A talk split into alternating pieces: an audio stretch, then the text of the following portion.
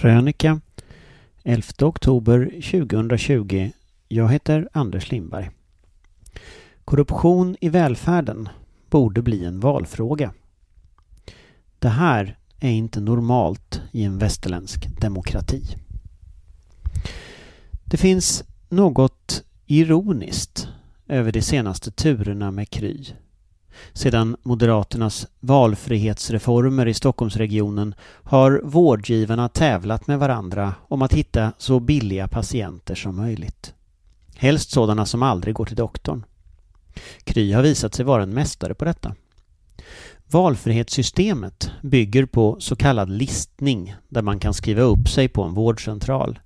Ju fler friska personer som listar sig på just din vårdcentral, desto färre besök blir det och du kan istället ta ut skattepengarna som vinst. Nu är de privata vårdgivarna dock upprörda. Kry har nämligen kommit på ett sätt att få människor att lista sig på så kallade digifysiska vårdcentraler. Med några enkla knapptryckningar listas friska patienter som egentligen bara ville ha ett nytt recept eller var lite oroliga för sin hosta på Krys nya vårdcentral på Östermalm. Eftersom de flesta patienter aldrig lär dyka upp digifysiskt är det lätta pengar.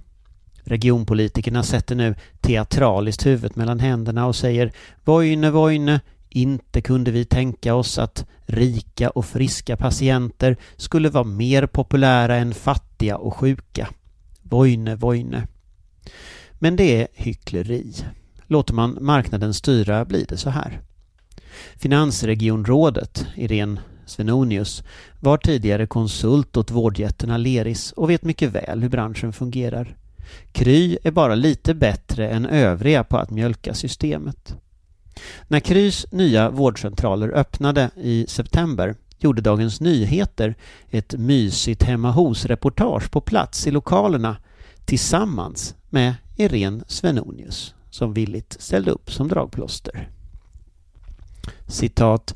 Det är en offentlig hemlighet att vi verkligen velat få in dem under Region Stockholms vingar, sa hon i DN. Moderaterna låtsas inte ens att det skulle finnas någon rågång mellan dem och vårdjättarna. Normalt väljer Svenonius noga vilka medier hon pratar med och vem hon debatterar med. Precis som föregångaren Filippa Reinfeldt som gick direkt från politiken till ett toppjobb på Aleris vet hon att all publicitet inte är bra publicitet.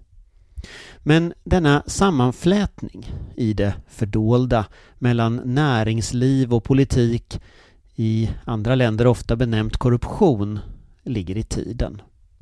Det är på många sätt det postdemokratiska samhällets första stadium.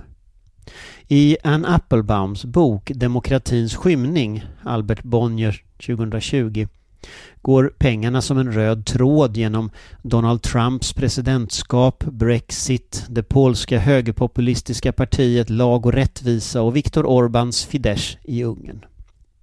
Trump är inte bara affärsman och Viktor Orbán har inte bara låtit sin egen släkt bli rik. Vinstintresset, korruptionen, är ingen bieffekt utan en integrerad del i högerpopulismens politiska portfölj. Det är ekonomiska intressen som kan tjäna på statens politik i form av kontrakt, skattesänkningar eller direkta bidrag rör sig sömlöst ända in i de beslutande församlingarna eller i regeringen. Som i Stockholm ungefär. I huvudstadens kommunfullmäktige, Sveriges största kommun med flest friskolor, sitter Ulla Hamilton, Moderaterna, VD för lobbygruppen Friskolornas riksförbund. Hon sitter inte ens på två stolar. De flyter samman till en.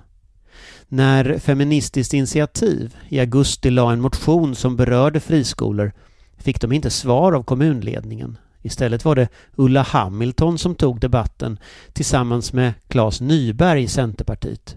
För övrigt hennes föregångare på posten som VD för Friskolornas riksförbund.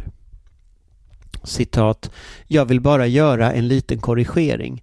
Du sa att all forskning visar en, att blandning av elevers bakgrund, eh, Reds ANM, eh, ger bättre resultat. Det är inte sant sa Hamilton.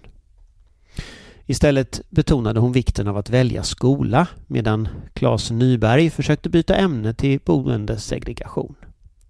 Är det partierna som står i talarstolen? Eller Friskolornas riksförbund? Heter medborgarrätt fortfarande pengar? Pengakranarna är hur som helst vidöppna. Det här är inte normalt i en västerländsk demokrati. Cirkusen kring hemligstämpeln på statistik för friskolor, elevsammansättning, betyg och liknande är inte heller direkt ett hälsotecken. Eller att Internationella Engelska Skolans hyresavtal med Skellefteå kommun är en affärshemlighet. Något tankesmedjan Balans offentligt kritiserat men som inte fått någon större uppmärksamhet. De ekonomiska intressena har kringskurit demokratin så långt att politisk debatt i vissa frågor inte längre är möjlig.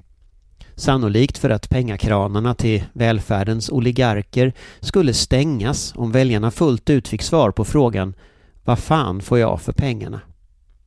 Inte heller Socialdemokraterna orkar föra debatten. Trots miljardsvinn från välfärden rakt ut i vård och skolbolagens privata fickor när de försökte i den så kallade Reepalu-utredningen som föreslog begränsningar av vinstuttag ur välfärden vände sig välfärdsföretagen till SD. Citat, intresset var enormt. Vi fick så många förfrågningar att vi fick göra en kö, sa Per Ramhorn, SDs sjukvårdspolitiska talesperson till Dagens Industri. Enligt Expressen försåg Theodor Kostinen på eh, Näringslivets mediaservice SDs finanspolitiska talesperson Oskar Sjöstedt med politiska underlag. De umgicks även över en bättre middag på lyxkrogen Gondolen i Stockholm. Uppvaktningen fungerade. Och Sverigedemokraterna är idag sannolikt det parti som mest lojalt värnar välfärdsbolagens vinster.